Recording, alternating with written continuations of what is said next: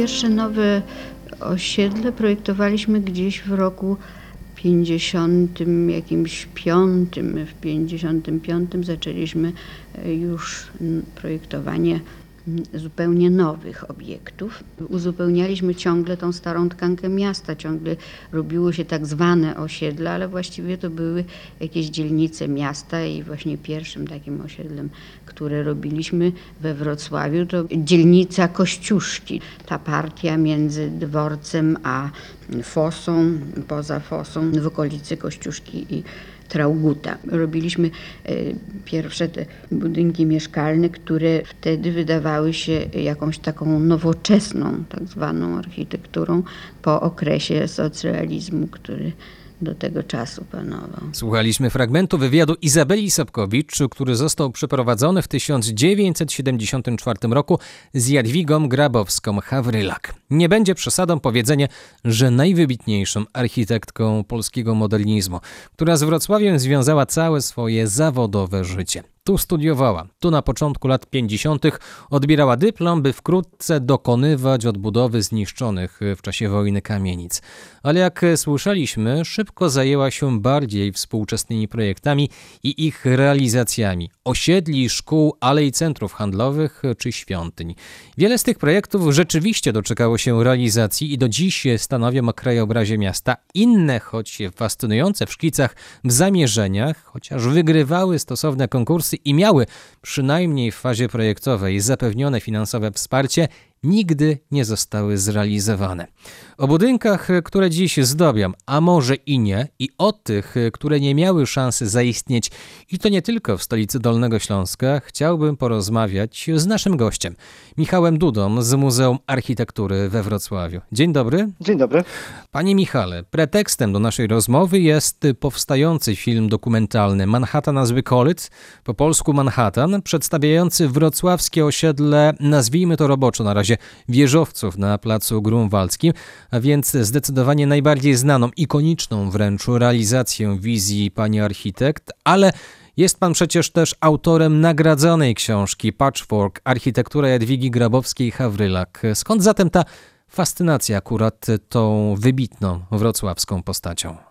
Ha, to taką prawdziwą historię, jakbym miał opowiedzieć, to byłby to, trochę bolesny coming out, bo e, ja się e, twórczością Jadwigi Grabowskiej-Hawrylak zacząłem zajmować jeszcze w czasie studiów na Wrocławskiej Historii Sztuki. E, i to będąc na seminarium u profesor Agnieszki Zabłockiej-Kos. I troszeczkę, znaczy ja w ogóle od dziecka, jeśli można byłoby tak powiedzieć, z racji również zainteresowań rodzinnych, byłem zainteresowany powojenną odbudową Wrocławia. No ale to nie był jakiś taki bardzo historyczny, sztuczny temat jeszcze wtedy, kiedy studiowałem. To było już dobrych prawie 20 lat temu historycy sztuki byli bardziej zainteresowani sztuką nieco bardziej dawną, a ja y, generalnie dosyć słabo posługiwałem się językiem niemieckim, który był jakby nieodzownym narzędziem do poznawania dawniejszej sztuki e, na Śląsku. No i tak trochę z niedokształcenia i lenistwa poszedłem w stronę architektury powojennej, która wydawała mi się bardzo ciekawa, głównie dlatego, że niewiele o niej było wiadomo i dużo można było wygrzebać, odkryć i dowiedzieć się takich rzeczy e, bardzo oczywistych z dzisiejszej perspektywy, ale też takich ciekawostkowych, e, które jakoś tam e, do kupy się składały w niezwykłe przedsięwzięcie pod tytułem odbudowa po zniszczeniach wojennych takiego miasta jak Wrocław. Także to ta historia ciągnie się mhm. bardzo długo i jakoś nie chce się skończyć. Panie Michale, mówi pan to jako wrocławianin, a pani Jadwiga Grabowska jeszcze wtedy w 1945 tak. roku, niejako szczęśliwym, ale jednak zrządzeniem losu trafia do Wrocławia przez Kraków i Jelenią Górę, gdzie zdaje się nawet przez moment chyba pracowała. Tak, pracowała. To, to była taka właściwie trochę fucha w takich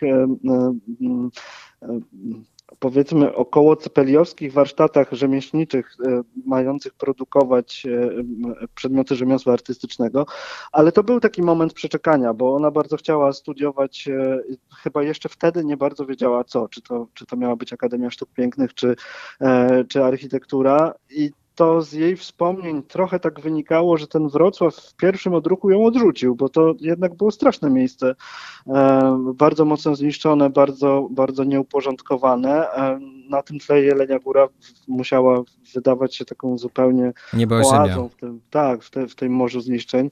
E, No ale wystarczyło, że gdzieś tam e, na tych ulicach Jeleniej Góry e, wypatrzyła kogoś w żakowskiej czapce, żeby czym prędzej wrócić do Wrocławia i zacząć studia. Na początku właśnie na Wyższej Szkole Sztuk Plastycznych i Wydziale, jeszcze wtedy nie Wydziale Architektury, bo to był Wydział Budownictwa, kierunek architektura, No ale później z biegiem czasu te, te zainteresowania e, właściwie wzięły górę i zrezygnowała z uczelni artystycznej na rzecz architektury, która i to chyba nie zmieniło się do dziś, jest e, e, zawodem niezwykle absorbującym już na etapie studiowania, więc nie, nie ma miejsca na kompromisy.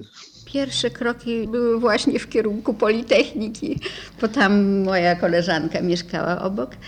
I tak już e, te kroki ciągle w tym samym miejscu stawiam, bo i mieszkam tu, i studiowałam, i pracuję, i, i projektuję, jakoś tak właśnie tutaj. Ja zdawałam wstępny egzamin i to był egzamin z rysunku e, na Wawelu w Krakowie. Natomiast e, we Wrocławiu zostałam przyjęta bez egzaminu i mm, właściwie dzisiaj zupełnie jakiś nieznany sposób, mianowicie mm, zrobiłam swoją wystawę prac, na którą poprosiłam profesora Hawrota i w ten sposób on zorientował się, jaki, jaki poziom reprezentuje i zostałam przyjęta na drugi semestr od razu. Panie Michale, Zbigniew Kupiec, Tadeusz Brzoza, Andrzej Frydecki, w końcu Tadeusz Wróbel, który wykładał urbanistykę wtedy tuż e, po wojnie tutaj na Wrocławskiej Politechnice, twórca lwowskiej moderny przecież jeszcze przed wojną. Jak mocno ci profesorowie, ci wykładowcy wpłynęli na Jadwigę Grabowską-Hawrylak jej późniejszy styl? Myślę, że bardzo. Myślę, że to środowisko wrocławskich akademików i to samo działo się na Wydziale Architektury było takim niezwykłym e, tyglem, w którym ścierały się postawy też dydaktyczne i doświadczenia życiowe ludzi z bardzo różnych środowisk, bo byli tutaj i ludzie z Górnego Śląska, i z Lwowa, i z Warszawy. I myślę, że ta wielość perspektyw też odcisnęła się na jak, w dużej mierze na, na rozbudzaniu ciekawości świata i ciekawości architektury wśród studentów. I myślę, że też jeden, jedna rzecz była zupełnie fenomenalna, jeśli chodzi o to środowisko.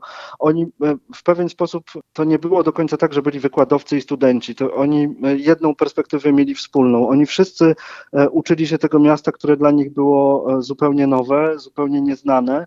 No i uczyli się też na, na, na tej jego fizycznej, bardzo mocno zniszczonej, ale jednak strukturze, e, uczyli się też e, architektury w, no, w najlepszym europejskim wydaniu, które znamy już dzisiaj dużo lepiej. Dla nich to była kompletna terra incognita. Pani pierwszy rok był pierwszym rokiem wrocławskiej architektury w ogóle, tak? Tak.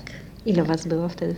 No, jakieś ze 40 osób. To był pierwszy rok, który koncentrował właściwie wszystkich chętnych z okresu całej okupacji, czyli rozpiętość wieku była bardzo różna. Byli tacy, którzy jeszcze przed wojną zaczynali studia. Panie Michale, tutaj doszukałem się w Pana książce, że e, Pani Jadwiga była pierwszą kobietą, która uzyskała dyplom we wrocławskiej uczelni po II wojnie światowej na Wydziale Architektury Politechniki Wrocławskiej. Zdaje się z numerem 16. No jej praca dyplomowa dotyczyła też zagospodarowania wnętrz e, domu handlowego braci Baraszów, a więc obecnie Mhm. Feniksa. I czy to studium dyplomowe w jakiś sposób odbija się w dzisiejszym Feniksie? Myślę, że w ogóle nie, e, chociaż to jest trochę domniemanie, ponieważ ten projekt dyplomowy się nie zachował do naszych czasów, więc znamy go tylko z relacji. To była praca zupełnie teoretyczna, zwłaszcza, że sposób powstawania prac, prac dyplomowych był zupełnie inny niż dzisiaj. One powstawały w systemie klauzurowym, czyli, że tak powiem, pod kluczem w sali wykładowej. To nie było tak, że nad projektem pracowało się w domu przez pół roku, a później się go przynosiło, broniło i już, tylko trzeba go było na miejscu e, na uczelni narysować. E, to, to trochę trwało, ale jednak robiło się to tam. Myślę, że to mm, też to, ta konfrontacja z istniejącym budynkiem, co też widać w tych pierwszych już zawodowych projektach Jadwigi Grabowskiej-Hawrylak, uczyła bardzo mocno takiego rzemiosła, takiego zakorzenienia w materialności architektury, w jej fi- fizycznej, no w jej fizyczności właśnie. No myślę, że to też było ciekawe doświadczenie. Panie Michale, to ja teraz y, chciałem, abyśmy wspólnie wraz z naszymi słuchaczami zresztą sięgnęli do radiowych archiwów. To jest Mhm. fragment audycji sprzed blisko półwiecza, bo audycja została wyemitowana po raz pierwszy w 1974 roku. Proszę posłuchać. Pierwszy projekt to właściwie mnie szalenie rozczarował, bo po, y, po studiach człowiek mm, przychodzi z jakimiś wyobrażeniami, że będzie projektować jakieś wspaniałe rzeczy, a tymczasem rzeczywistość go bardzo często zaskakuje dość negatywnie. E, Więc zostałam zaproszona przez jednego z kolegów pracujących w ówczesnym miastoprojekcie, ponieważ od początku zaczęłam w miastoprojekcie pracować, do opracowania hotelu. Wobec tego wyobrażałam sobie, że to będzie jakiś wspaniały hotel, temat, nowy budynek wtedy, kiedy się tylko odbudowuje i właściwie nie projektuje zupełnie nowych budynków, że to będzie cudowny temat. A potem okazało się, że to jest hotel robotniczy i to nie jest projekt, zupełnie jak w tym Radiu Erywań, e, tylko to jest adaptacja i projektu typowego, e, który był no, okropny, e, socrealistyczny, z jakąś taką stolarką dzieloną na 20 elementów. No i to było moje pierwsze rozczarowanie. No i ten projekt, właśnie nie wiem, czy to był hotel robotniczy, czy też Dom Kultury Kolejarz. Na szczęście dla pani Jadwigi nie został zrealizowany. Nie został. E, To na, to na pewno nie był Dom Kult- Kultury Kolejarza, tylko jeden z takich właśnie zupełnie drobnych projektów dla wprawek dla wchodzącego do branży architekta. I to też pamiętajmy o tym, w jakim to momencie miało miejsce. To był początek lat 50., czyli faktycznie rozbuchany e, socrealizm. Ta architektura miała być podporządkowana bardzo ściśle ideologicznym normom, czyli to też sprowadzamy do takiej krótkiej frazy narodowa w formie socjalistyczna w treści, cokolwiek to miało znaczyć. No i jeszcze też pamiętajmy, jak trudny był to moment dla samego Wrocławia, bo jeszcze ta duża odbudowa to nawet we Wrocławiu nie ruszyła. Ona się zaczęła dopiero w 52 roku tak naprawdę, bo Wrocław z perspektywy centrali, która przecież rozdawała pieniądze na każdą jedną realizację, był miastem peryferyjnym, który był e, potrzebny bardziej jako kopalnia odkrywkowa materiałów budowlanych, e, a nie jeszcze wtedy miasto, które miało stać się wizytówką zachodnich rubieży kraju. Także ten początek kariery Jadwigi Grabowskiej-Hawrylak no, przypadł w bardzo nieszczęśliwym momencie, no ale jednak wyszła z tego obronną ręką. Tutaj pani Jadwiga wspominała, że rozpoczęła pracę w zespole Miasto Projektu. W pana książce jest takie zdanie, że to było najlepsze miejsce rozwoju. A czy były inne opcje w tamtym czasie? Czy miała jakąś inną pracownię do wyboru? Właściwie w owym czasie nie miała wielkiego wyboru, bo też pamiętajmy, że pracownie funkcjonowały w bardzo scentralizowanym systemie i one były pracowniami państwowymi. Było jeszcze Wojewódzkie Biuro Projektów, które tam w międzyczasie zmieniało nazwy, no i można było zostać na uczelni. Co też e, w pierwszym odruchu pani Jadwiga chciała zrobić. Zaczęła, e, by- była asystentką w katedrze rysunku, co, co nie, nie, nie brzmi zbyt prestiżowo, bo ona jednak chciała projektować, chciała się zajmować tą trójwymiarową architekturą, a nie jak to sama kiedyś w jednej z rozmów powiedziała, e, uczyć dzieci rysować. Więc zdecydowała się na ten skok na głęboką wodę i z, z miastoprojektem związała właściwie prawie całą swoją karierę zawodową. No właściwie nie tak do końca, bo w latach 80. przeszła na emeryturę, prowadząc już swoje biuro projektowe, e, niewielkie, pracownię autorską, ale tak naprawdę to, to ponad 30 lat e, w jednej firmie e, z wyzwaniami tak nieprawdopodobnie różnej skali, że z dzisiejszej perspektywy architekci mogą chyba tylko pozazdrościć. Panie Michale, to ja chciałem zacząć już nieco omawiać właśnie tę karierę, bo to chyba wszystko rozpoczyna się, już nie mówiąc o tych projektach, które nie zostały zrealizowane, więc owego hotelu, Domu Kultury Kolejarz, rozpoczyna się od połowy lat 50., od tej słynnej rekonstrukcji kamienicy, właściwie dwóch kamienic o numerach 7 i 8 na wrocławskim rynku. I tutaj na chwilę też sięgamy do naszych radiowych archiwów, y, bo zachowało się wspomnienie właśnie e, z tamtego okresu, z tego jak to wszystko przebiegało. To jest e, ponownie rok 74. Rozmowa redaktor Izabeli Sobkowicz e, z panią Jadwigą. Proszę posłuchać. Natomiast później właśnie w tym momencie, kiedy trzeba było Wrocław budo- odbudowywać, kiedy musieliśmy się włączyć do reaktywowania miasta, no miałam możliwość opracowywania bardzo ładnych tematów, między innymi e, w momencie odbudowy rynku robiłam jedną kamieniczkę, rekonstruowałam, co było bardzo przyjemne, rysowałam rysunki w skali 1 do 1, jakieś ślimacznice renesansowe, jakieś elementy obudowy. No i To mi dawało wielką radość i satysfakcję. Miało się do czynienia z jakimiś autentycznymi rzemieślnikami, którzy bardzo e, do tego rzetelnie podchodzili z zamiłowaniem, zainteresowaniem, z kamieniarzami. To była bardzo przyjemna praca. To był chyba taki jedyny wyłom w karierze pani Jadwigi, kiedy ona mogła obcować z tą starą materią Wrocławia, jeszcze Breslau chyba trzeba powiedzieć, no bo takich innych historycznych realizacji chyba w jej biografii zawodowej brak.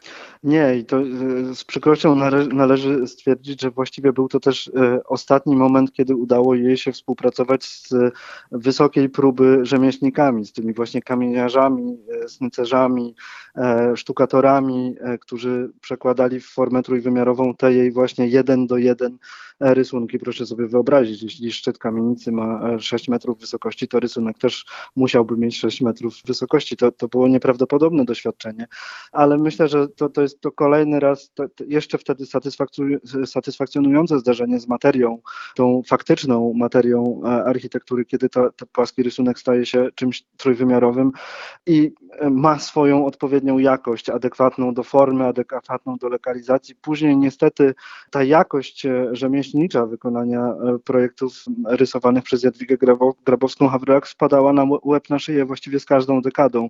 I myślę, że to też było bardzo rozczarowujące, ponieważ ona akurat w swoich projektach była bardzo przywiązana do, do, do formy, do, do jakości wykonania i ta jakość zawsze e, niestety odbiegała e, od tych wy, wyimaginowanych wizji, które nanosiła na papier. Ja bardzo lubię te kamieniczki, one na pierwszy rzut oka w ogóle wyglądają jakby były z poprzedniej epoki, ale wystarczy wejść do środka, żeby się okazało, że te dwie kamieniczki są tak naprawdę jednym budynkiem z nowoczesną klatką schodową w środku, ze świetlikiem w dachu, który ją doświetla. No, no tak, a gdyby zapytać e, przechodnia, nie wpadłby nawet na to, zresztą dotyczy to większości zabudowań e, we wrocławskim rynku, że one mają no, ledwie 70 lat, a nie 300, jak należałoby przypuszczać. Chociaż kamieniczki wpisane do rejestru zabytków. Tak jest, tak jest. No ale potem już e, właśnie po tych realizacjach mamy do czynienia ze współczesną, często naprawdę znakomitą architekturą. Tym pierwszym przykładem chyba jest e, budynek e, bliski pana sercu, bo 12 kwietnia 1959 roku zdaje się, że właśnie wtedy ruszyła budowa pierwszej w Polsce w ogóle tysiąclatki, a więc e, szkoły podstawowej 71 na zbiegu ulicy Kołątaja i Podwale. Zdaje się, że pierwszy budynek w pełni szklany chyba, tak to, taką nosi nazwę, jeżeli chodzi o Wrocław. E, Ja sprostuję jedną rzecz, cytując fragment hymnu e, dawnego tej szkoły, Tysiąc Szkół na Tysiąclecie we Wrocławiu pierwszą byłaś. E, Faktycznie pierwsza we Wrocławiu tysiąclatka, w Polsce było ich kilka wcześniej. Wrocław był trochę opóźniony we wdrażaniu tego wielkiego projektu Tysiąca Szkół na Tysiąclecie Państwa Polskiego i ten budynek jest naprawdę wyjątkowy. Wi wiadomo, tutaj trzeba pamiętać o tym, że ten rygor, jeśli chodzi o ekonomię budynków w owym czasie, był niezwykle wyśrubowany i te budynki musiały być tanie. I pani Jadwiga Grabowska-Hawrylak wy, wymyśliła wspólnie z, z konstruktorem, z Witoldem e, Święcickim, e, taką konstrukcję szkieletową, która była z jednej strony bardzo elastyczna i umożliwiła na upakowanie bardzo różnorodnej i funkcjonalnie pomyślanej funkcji do środka, a z drugiej strony była bardzo ekonomiczna w realizacji. Efekt był taki, że powstał właściwie taki pierwszy budynek we Wrocławiu po wojnie o szkieletowej konstrukcji i ścianie kurtynowej, która e, ściana zewnętrzna w, tej, w tym ustroju niczego nie dźwiga właściwie.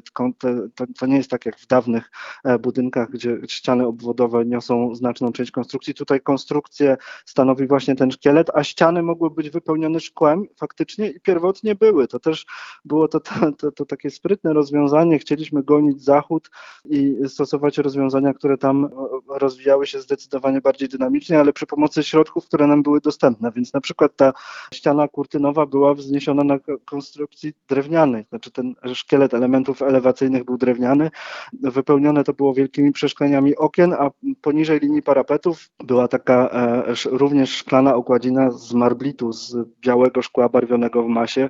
Niestety już jej nie ma, ponieważ została zdjęta kilka lat po realizacji, po tym jak wiadomo, szkoła, różne rzeczy się wydarzają, gdzieś tam przypadkowe zdarzenie z kamieniem czy piłką spowodowało, że jedna z tych tafli szklanych pękła i w trosce o bezpieczeństwo uczniów wszystkie zostały zdjęte i obecnie tam jest chyba taka płaszczyzna jasnego starego tynku. Ten budynek świetnie by wyglądał, tak jak świetnie wyglądał niegdyś, no tylko wymaga remontu. To każdy, kto mija skrzyżowanie ulicy Kołątaja z, z Podwalem może zobaczyć, że w tym budynku drzemie potencjał takiej nieprawdopodobnie graficznej, szachownicowej elewacji, bo pierwotnie konstrukcja wyróżniona była na ciemno, a wszystko to, co wypełniało e, elementy konstrukcyjne było e, jasne, no to mogłoby zostać odtworzone, stanowiąc jeden z takich rodzynków architektonicznych Wrocławia. No niestety czeka na swój moment. E, Czeka, to jest faktycznie o tyle leży mi, to na sercu, ponieważ jestem absolwentem tej wspaniałej szkoły podstawowej i, i też byłoby mi strasznie miło, gdyby udało się ją doprowadzić do stanu przyzwoitego. Wszyscy chcemy mieszkać ładnie, przyjemnie i wygodnie. W czasopismach stale zamieszczane są kąciki architekta, y, wydawnictwa poświęcone zagadnieniom wnętrza mieszkalnego również szeroko te rzeczy omawiają. W telewizji było szereg audycji również mówiących o wnętrzu, o jego wartości dla użytkownika, a więc są to zagadnienia, które interesują społeczeństwo. Interesują tym bardziej, że jak wiemy, nasze wnętrza w obecnej sytuacji muszą być z natury rzeczy skromne. Nie możemy sobie pozwolić jeszcze na dużą jakąś przestrzenność tych wnętrz.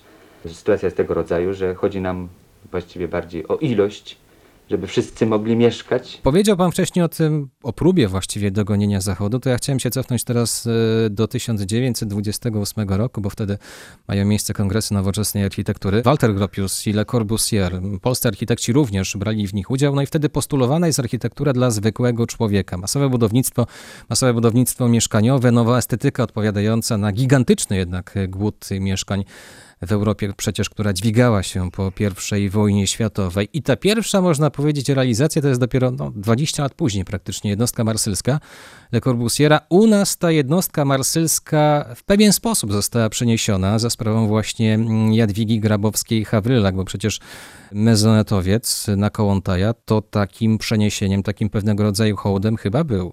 Był z całą pewnością e, nie, niekoniecznie te, e, hołdem złożonej, e, złożon- złożonym e, jednostce marsylskiej, ale tym właśnie takim wizjonerskim projektom, które z- starały się pogodzić ogień z wodą i w, właśnie w mm, skorupie, która by odpowiadała tym postulatom masowego e, budownictwa, umieścić coś, co byłoby no, jakąś taką namiastką e, czegoś, o, o której, o, czym e, znaczna część populacji śni, czyli domku jednorodzinnego. No więc tak stało się we Wrocławiu. I to też proszę wyobrazić sobie ten e, z dzisiejszej perspektywy. Wydaje mi się, że bardzo nam trudno ocenić nieprawdopodobność tego projektu w czasach, kiedy powstawał. We Wrocławiu w ogóle posiadanie jakiego, jakiegokolwiek konta w owym czasie było już dużym sukcesem. E, Przeludnienie istniejących budynków mieszkalnych było nieprawdopodobne.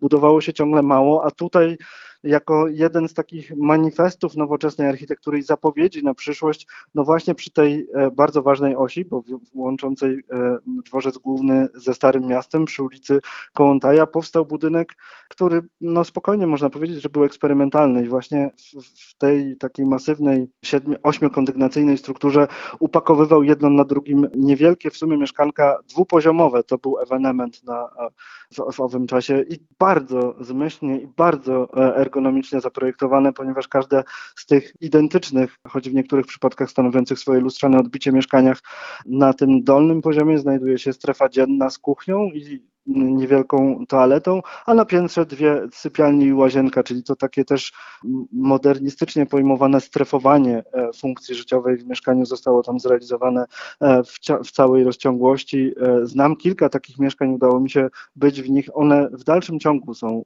nowoczesne. To, to, to rzadko się tak zdarza, żeby architektura była tak długo nowoczesna. Ta jest i tutaj jeszcze mm, o, może się okazać, że budynek, który na pierwszy rzut oka obecnie nie rzuca na kolana, wkrótce odzyska dawny blask, bo on nie tak dawno został wpisany do rejestru zabytków i rozpoczęła się już jego e, renowacja. Zaczęła się od elewacji tylnej, ale lada moment e, odzyska dawny blask e, i będziemy mogli się naprawdę cieszyć tą nowoczesną architekturą. Pani inżynier Jadwiga Hawrylakowa, architekt wrocławski, znany naszym słuchaczom z kilku udanych projektów w naszym mieście.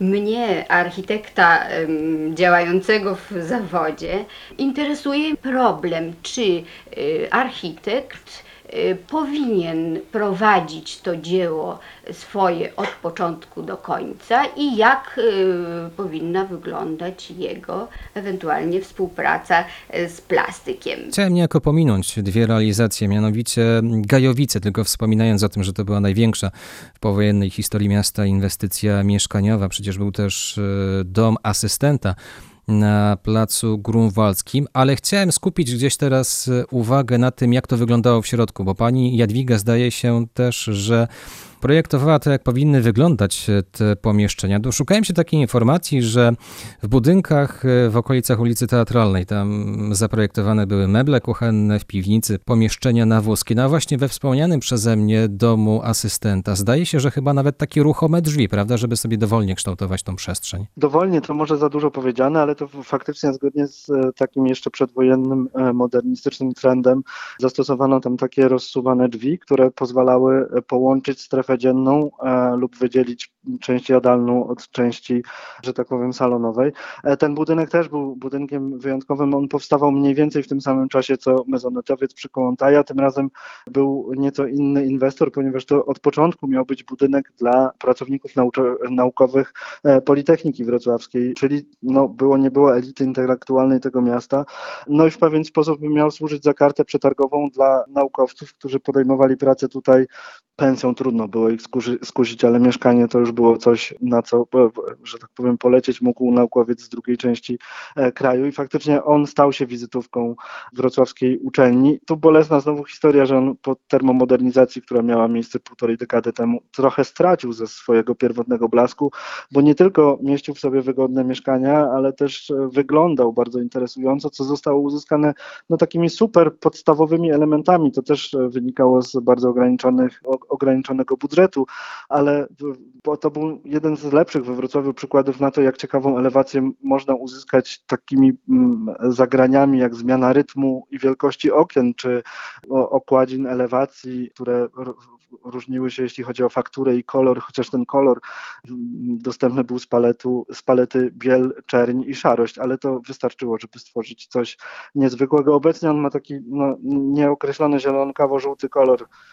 I Oliwkowy. myślę, że o, tak, oli, oliwko, o, jeśli, jeśli nie obrażamy oliwek. E, wydaje mi się, że dzisiaj no, można nie zwrócić na niego uwagi. E, no a szkoda, bo, bo, bo to naprawdę była jedna z lepszych inwestycji mieszkaniowych e, owego czasu w mieście i wyglądała dobrze, choć e, wymagała remontu do samej termomodernizacji, która to sprowadziła ten budynek niestety do poziomu zupełnie standardowego bloku mieszkalnego. No i wielka szkoda. Panie Michale, to tak niejako na marginesie, jako nie inwestor, ale jako miłośnik architektury muszę zapytać, no czy dokonując takiej termomodernizacji gdzieś e, rekonstrukcji danego budynku, w tym wypadku pani Jadwigi Gra- Grabowskiej-Hawrylak, nie patrzy się na te pierwotne plany, tylko robi się według własnego uznania? Jak to wygląda właściwie? No to wszystko zależy. Jeśli budynek jest wpisany e, do ewidencji zabytków lub jest wpisany do rejestru zabytków, to jesteśmy zobowiązani, żeby swoją e, koncepcję termomodernizacji konsultować z odpowiednimi służbami. Ale jeśli budynek nie jest, no to to już jest niestety kwestia wyłącznie e, świadomości inwestora, ponieważ no, no niestety można e, z nim zrobić co się chce, przy czym ja e, korzystając z okazji apeluję do, do każdego, kto takiej termomodernizacji za, zamierza się podjąć, niech grzebie w archiwach albo pyta tych, którzy w tych e, grzeb, archiwach się orientują, ponieważ może się okazać, że nowy pomysł, e, niezależnie od jego postępowości, a wyobraźnię i postępowość współczesnych termomodernizatorów, no możemy dostrzec na wielu wrocławskich osiedlach, że te pierwotne pro, pro, pomysły były jednak dużo lepiej zgrane z architekturą tego obiektu i czasem warto, moim zdaniem zawsze warto, z szacunkiem odnosić się do architektury, do materii, z którą współcześnie się- mierzymy, bo zazwyczaj pierwotna kolorystyka, pierwotne faktury wynikały y, z jakichś tam założeń projektanta, które nie zawsze były źle, złe, chociaż y, no, powszechna opinia jest taka, że architektura PRL-u to raczej, no, że tak powiem, tania, prosta i kiepskiej jakości. To nie zawsze jest do końca prawda, a w dzisiejszych czasach, mając dostęp do, do lepszych technologii, można tylko podkręcić jej jakość, a nie zmienić zupełnie, tworząc z niej karykaturę udekorowaną, nie wiem, strusiami, żyrafami czy po prostu różnokolorowymi centkami, co się dzieje niestety do dziś no właściwie we wszystkich polskich miastach. To apelujemy i też mamy nadzieję, że właśnie ta audycja sprawi, że trochę inaczej spojrzą Państwo na tę architekturę, która okazuje się, że bywa naprawdę czasami mocno fascynująca. No i teraz przechodzimy już do Clue, a więc do Manhattanu. To jest po raz kolejny fragment audycji z 1974 roku, bardzo ważny. Na minutę zatapiamy się w słowach pani Jadwigi Grabowskiej-Hawrylak i wracamy do naszej rozmowy sytuacja, jaka istnieje w budownictwie, musi prowadzić do standaryzacji, bo chcemy zbudować bardzo dużo i dobrze, i wobec tego musimy to w sposób przemysłowy produkować. Narzeka się oczywiście na to, że niezależnie od miejsca, w którym powstają osiedla, są do siebie bardzo podobne. To jest zupełnie zrozumiałe.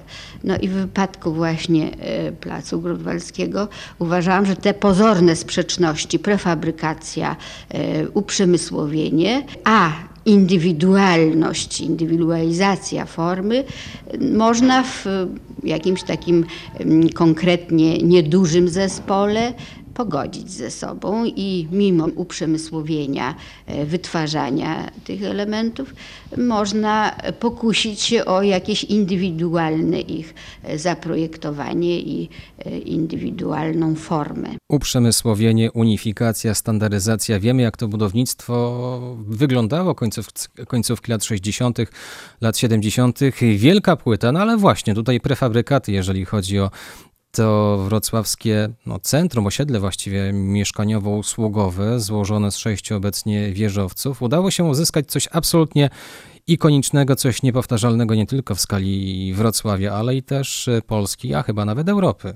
Z całą pewnością i właśnie ten e, pomysł, o którym e, mówiła w nagraniu archiwalnym architektka, jest, e, był absolutnie genialny. To, to jeśli musisz posługiwać się bronią, która ci została narzucona, strategią posługiwania się klockami, to, to jedyne, co możesz zrobić, żeby osiągnąć coś więcej, to wymyśleć te klocki na nowo. I tak właśnie stało się we Wrocławiu, bo pani Jadwiga Grabowska-Hawrylak, dostając do opracowania tę niezwykle prestiżową działkę, bo pamiętajmy, że Plac Grunwaldzki, właściwie oś grunwaldzka, oś, która wprowadza do centrum miasta od strony nowej stolicy, od, od strony Warszawy, więc od lat 50. było to miejsce absolutnie prestiżowych realizacji. I jeszcze, co więcej, sąsiaduje w, w panoramie z no, najważniejszym historycznie miejscem e, w tym mieście, czyli z Ostrowem Tumskim. A jeśli musimy grać wysoko, a takie były wymagania, to musimy, e, wiemy, mamy świadomość tego, że będzie widać w perspektywie wieże gotyckich kościołów i wysokościowce przy Placu Grunwaldzkim, więc to nie może być banalna, zwykła architektura. Ona musi zostać potraktowana w sposób wyjątkowy. No i ten pomysł na to, żeby wymyśleć przestrzenne prefabrykaty, skoro już trzeba korzystać z prefabrykatów, to jest w ogóle rzecz, e, która no, trafiła i trafia do, do podręczników e, historii architektury XX wieku, nie tylko w skali polskiej. Ten prefabrykat zresztą został bardzo szybko opatentowany przez e, zespół pani Jadwigi Grabowskiej i Miasto Projekt, bo no, były pomysły na to, żeby wykorzystać go jeszcze przynajmniej przy kilku realizacjach. No ale skupiając się na placu grunwaldzkim samym w sobie, to nie tylko forma, zresztą tu, tu znów należałoby dodać przypis, że ta forma nie do końca została zrealizowana zgodnie z pierwotnym założeniem, bo i beton miał być innej jakości, miał być barwiony w masie, miał być jasny, a nie taki e, szary i kropowaty, bo i ten trójwymiar, który został uzyskany dzięki przestrzennym prefabrykatom, miał być jeszcze wzmocniony e, zielenią, która miała wyrastać z donic e, umieszczonych w zakamarkach pomiędzy właśnie tymi przestrzennymi prefabrykatami, a, a, a właściwą elewacją budynku.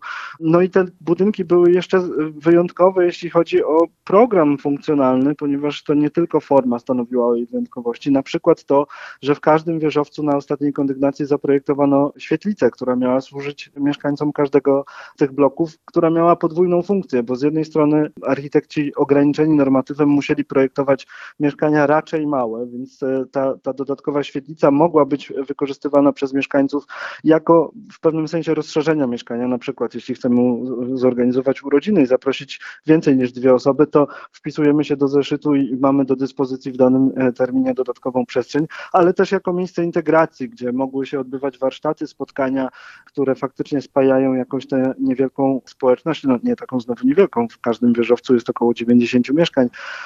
No i to faktycznie przez moment działało e, do połowy lat 80. No później z spółdzielnia jakoś mniej łaskawym okiem e, aż do dziś nawet patrzyła e, na ten sposób e, wykorzystywania przestrzeni wspólnych. Niestety w międzyczasie część z nich sprzedano, część wynajęto. No ale z tego co wiemy, będąc przez ostatnie miesiące przy Placu Grunwaldzkim niemal dzień w dzień, mieszkańcy ponownie zaczęli się upominać o, przynależną im przestrzeń i być może ta pierwotna idea znów wróci do gry. Dzisiaj Pani nazwisko łączy się najczęściej mieszkańcom Wrocławia z budynkami za mostem grunwaldzkim, z budynkami y, przy Placu Grunwaldzkim. Czy mm, Pani też jest najbardziej z nich zadowolona? Muszę powiedzieć, że sprawy, które mm, człowieka najbardziej cieszą, jest z nimi najbardziej związany, również dostarczają najwięcej bólu. To jest tak jak róża, która kole niestety. One by mi się podobały, gdyby mogły być zrealizowane tak, jak ja sobie je wyobrażałam. No ale nie wszystko niestety po zrealizowaniu e, istotnie przedstawia ten obraz, jaki człowiek stworzył. Panie Michale, ja doszukałem się w Pana książce, więc Patchwork Architektury Jadwigi Grabowskiej-Hawrylak, e, takiej adnotacji, że dokładnie 18 lipca 1974 roku pani Jadwiga została uhonorowana nagrodą Stowarzyszenia Architektów. I tutaj jest ciekawa uwaga. Jedni właściwie określali budynek jako gdzieś zapowiedź tej właśnie prefabrykowanej architektury, ale była też grupa, nie wiem czy mała, czy też duża grupa architektów, y, która uważała, określała ten budynek jako rozwiązanie eklektyczne, co w ówczesnych czasach równało się obelza. Więc y, z tym budynkiem i z tą wizją nie obchodzono się w Polsce, z tego wynika łagodnie. No nie, bo opinie były y, od samego początku podzielone, chociaż akurat y, środowisko profesjonalne, środowisko architektów e, traktowało z, dużym szacunkiem i z podziwem te realizacje. Zresztą w laudacji e, poświęconej autorce e, przy okazji wręczenia tej e, nagrody honorowej Stowarzyszenia Architektów Polskich było też powiedziane wprost, że jest to nagroda za tę konkretną, e, za ten projekt i realizację, ponieważ to miejmy tego świadomość, że zaprojektować można wszystko, ale projekt tak inny niż wszystkie doprowadzić do jego realizacji, to w obecnych realiach było, no, graniczyło niemal e, z cudem. No i faktycznie te opinie były od początku podzielone, co też ciekawe, były podzielone również wśród samych mieszkańców, którzy no, nie zawsze byli zadowoleni z komfortu, bo, bo te budynki po pierwsze zrealizowane zostały dosyć niedbale, więc na przykład wiało przez szczeliny w elewacji, także sły- słyszałem o tym, że przemarzała podłoga. Po drugie, te mieszkania były dosyć drogie, a można było je, co też należało do wyjątków, kupić za dewizy, nie tylko dostać z przydziału. Drogie ze względu na to, że koszta realizacji były jednak wyższe niż takich standardowych budynków prefabrykowanych. No a po trzecie, te, to, to znów em, rzecz nie do końca zależna od architekta. No mieszkania były nie do końca wygodne, bo były raczej małe. Tu znów wracamy do tego normatywu, czyli tego, mm, jak, jaką wielkość musiały mieć konkretne mieszkania dla e, konkretnej liczby mieszkańców, ale tu też należy docenić e, geniusz, a przynajmniej spryt e, projektantki, ponieważ i w tym przypadku, w, przy- w przypadku tego zespołu, podobnie jak w szkole podstawowej numer 71, Jadwiga Grabowska-Hawrylak, zdając sobie sprawę z tych ograniczeń, zastosowała konstrukcję szkieletową, co sprawia, że żadna ściana działowa wewnątrz nie jest ścianą nośną i w zasadzie każdą można wyburz, wyburzyć, więc to było takie trochę projektowanie na przyszłość, na, na inne czasy, kiedy ten normatyw być może miałby nie obowiązywać, zresztą tak też się stało i dzięki tej strukturze bardzo elastycznej można było nie tylko przestawiać ściany w obrębie mieszkań, ale po prostu łączyć mieszkania wtedy, kiedy byłyby dla nas za ciasne. No, czy to się sprawdziło w praktyce, to, to należałoby się zastanowić i sprawdzić, ale nie znam żadnego przypadku łączenia mieszkań, ale znam bardzo e, sprytne e, przebudowy ich układów wewnętrznych. No nie ulega wątpliwości, że to był taki mocny ukłon w stronę mieszkańców po prostu. Z całą pewnością, e, zwłaszcza no, no taki bardzo przyszłościowy i bardzo przewidujący, bo jednak te ograniczenia, które, które zmuszały do bardzo daleko idących kompromisów, e, no, no doskwierały wszystkim architektom tego czasu. To nie było tak, że e, oni byli ich entuzjastami. Zresztą to też ciekawe, że pani Jadwiga Grabowska-Hawrylak w tym nagraniu z 74 roku e, wypowiada się o uprzemysłowieniu i e, typizacji architektury, no właściwie z, z, no może nie z entuzjazmem, ale przyjmując tę sytuację jako konieczną. Rozmawiając już z nią w XXI wieku, no to, to jednak wtedy, kiedy mogła mówić e, otwarcie o ówczesnym reżimie technologicznym, mówiła, że to było nieprawdopodobne ograniczenie, że chciałoby się projektować budynki uszyte na miarę do konkretnej realizacji, a trzeba było stosować klocki, które były z góry narzucone na co akurat przez całą swoją karierę nie godziła się Jadwiga Grabowska-Hawrylak z dużym sukcesem. Ten prefabrykat, o którym pan powiedział, rzeczywiście został opatentowany i miał być zastosowany do kolejnych, no właśnie, projektów, realizacji. Ja przyznaję szczerze, że tak patrzyłem z dużym podziwem na szkice, jakie powstały na desce kreślarskiej e, pani Jadwigi, na szkice dotyczące przede wszystkim Wrocławia, bo ten hotel e, studencki na Placu Grunwaldzkim nie daje mi spokoju, bo przecież e, fantastycznie dopełniałby te budynki. O Jezu, to była okazja na to, żeby ten plac grunwaldzki stał się taką jednorodną, a nie nudną i nie monotonną, bo te klocki też mają tę zaletę, że wystarczy zmienić ich konfigurację, żeby architektura choć podobna nie była nudna, to faktycznie mogłoby dopełnić całą tę urbanistyczną kompozycję, no ale niestety e, potencjalna realizacja przypadła już na początek lat 70., kiedy te pieniądze do Wrocławia raczej skapywały niż spływały, więc ten projekt, jak wiele innych z tej dekady, został jedynie na papierze. Obecnie stoi w miejscu, gdzie stał, miałby stać hotel, no taki dosyć banalny biurowiec, który no, moim zdaniem nie dorasta do pięt e, projektowi z lat 70., no ale cóż, rządził się inną logiką, powstał w innym momencie, więc trudno wymagać. Wygraliśmy e, konkurs na zabudowę Placu Dzierżyńskiego.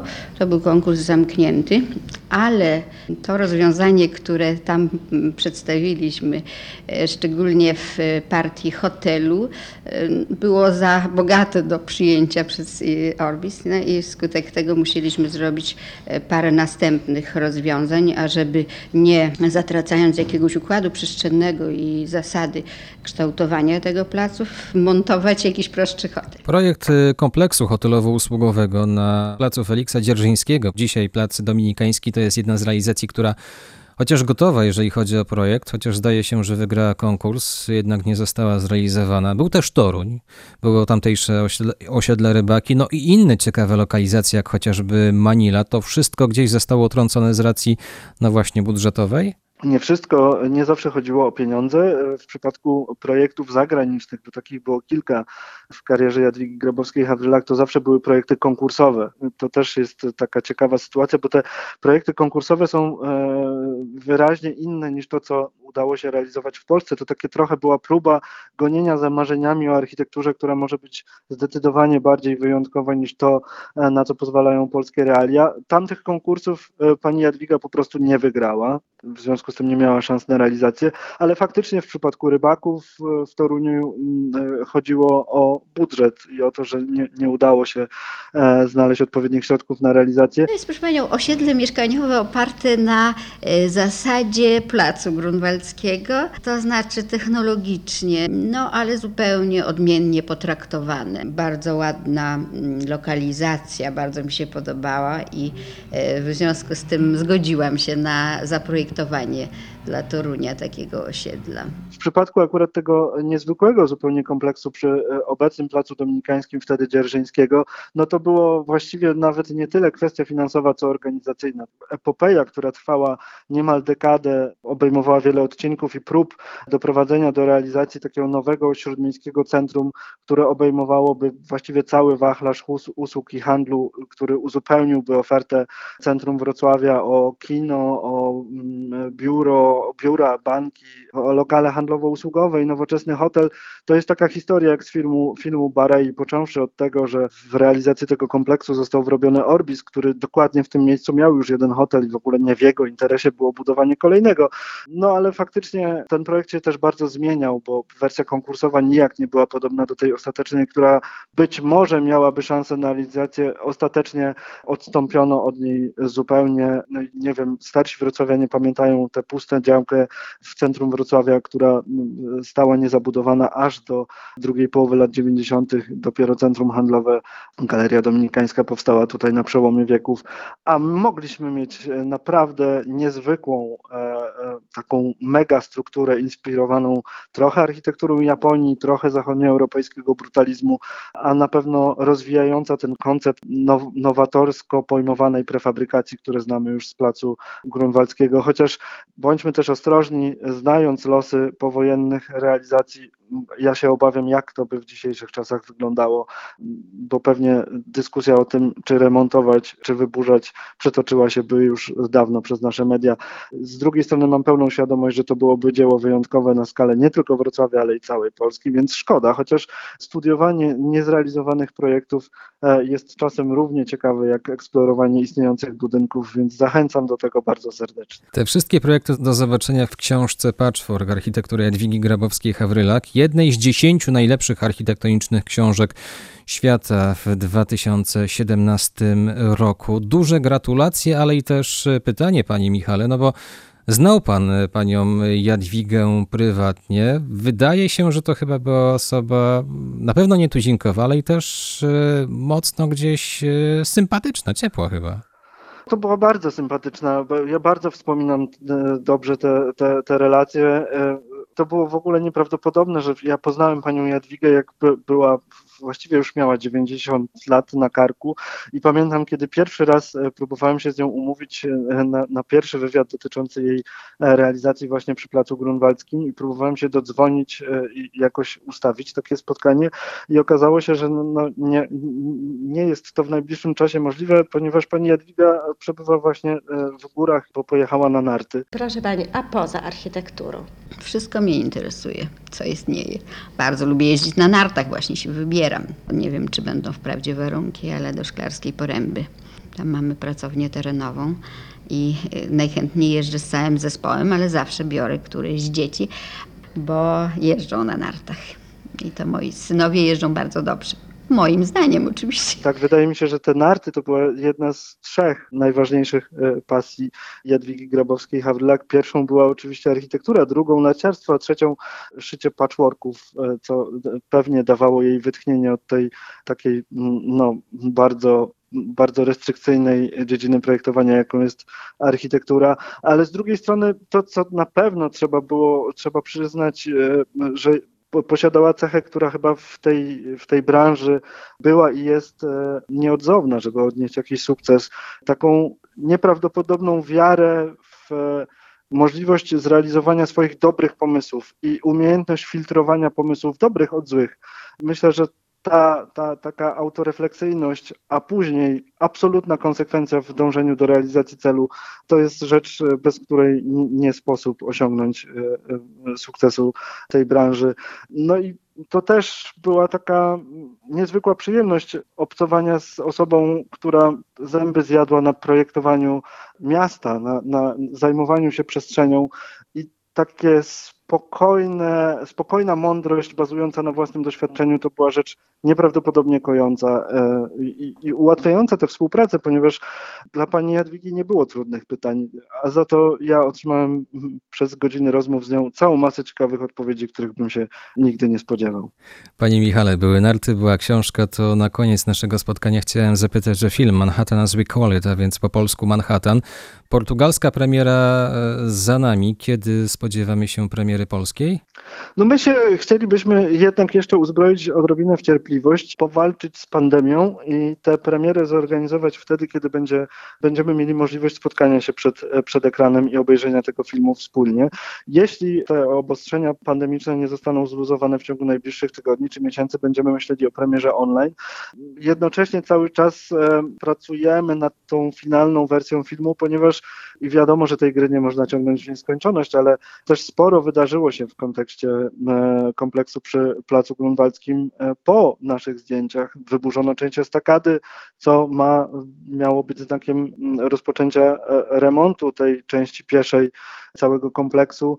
No i przyglądamy się tej sytuacji i troszeczkę zmieniamy i przeredagowujemy ten, ten materiał pod kątem polskich widzów, bo jednak opowiadanie o polskich realiach Portugalczykom no, wygląda troszeczkę inaczej niż, niż opowiadanie we własnym kraju. Więc jeszcze e, uzbrojamy się w cierpliwość i mam nadzieję, że ciepłą porą dane nam będzie spotkać się e, i wspólnie obejrzeć ten film o tej niezwykłej realizacji. Ciepłe wiosenne już warunki we Wrocławiu. Myślę, że nie tylko we Wrocławiu, zatem chyba możemy zaprosić słuchaczy na wycieczkę gdzieś szlakiem tej architektury Jadwigi Grabowskiej-Hawrylak. Oczywiście, to jest e, bardzo interesująca wycieczka, zwłaszcza, że e, wiedzie przez nieoczywiste e, czasami, ale bardzo interesujące i położone bardzo centralnie, jeśli chodzi o nasze miasto, punktów. Przy czym tylko liznęliśmy, ale ja zachęcam też wycieczkę na osiedle Gajowice, które jest super interesujące, jeśli chodzi o takie sklejanie do kupy miasta, które zostało niemal całkowicie starte z powierzchni ziemi, bo ten taki mariaż zabytkowej architektury e, dawnego Breslau z nowoczesną, tą e, inspirowaną kartą ateńską i wytycznymi nowoczesnej architektury obiektami e, jest jednym z ciekawszych osiedli tej pierwszej, tego pierwszego jeszcze w latach 60. etapu odbudowy miasta, więc myślę, że wycieczka tropem Jadwigi Grabowskiej-Hawrylak we Wrocławiu może być naprawdę całodzienną, a nawet i, i, i dłuższą wycieczką, dającą nam dużo e, satysfakcji. Michał Duda z Muzeum Architektury we Wrocławiu był moim i Państwa gościem. Dziękuję bardzo. Bardzo serdecznie dziękuję. A dzisiejszą dźwiękową historię Radio Wrocław przygotował i prowadził Michał Kwiatkowski. Żegnając się, zapraszam Państwa na historyczny spacer. Pani jako architekt, po której dzielnicy Wrocławia spaceruje najchętniej? No, na pewno po Starym Mieście. Stare Miasto, Ostrów Tumski. Mnie osobiście gotyk najbardziej fascynuje. Właśnie te olbrzymie masy architektury, jakiejś kapitalnej, w- zresztą zawsze w otoczeniu zieleni. No, Wrocław ma bardzo dużo ładnych miejsc i, i jest gdzie spacerować.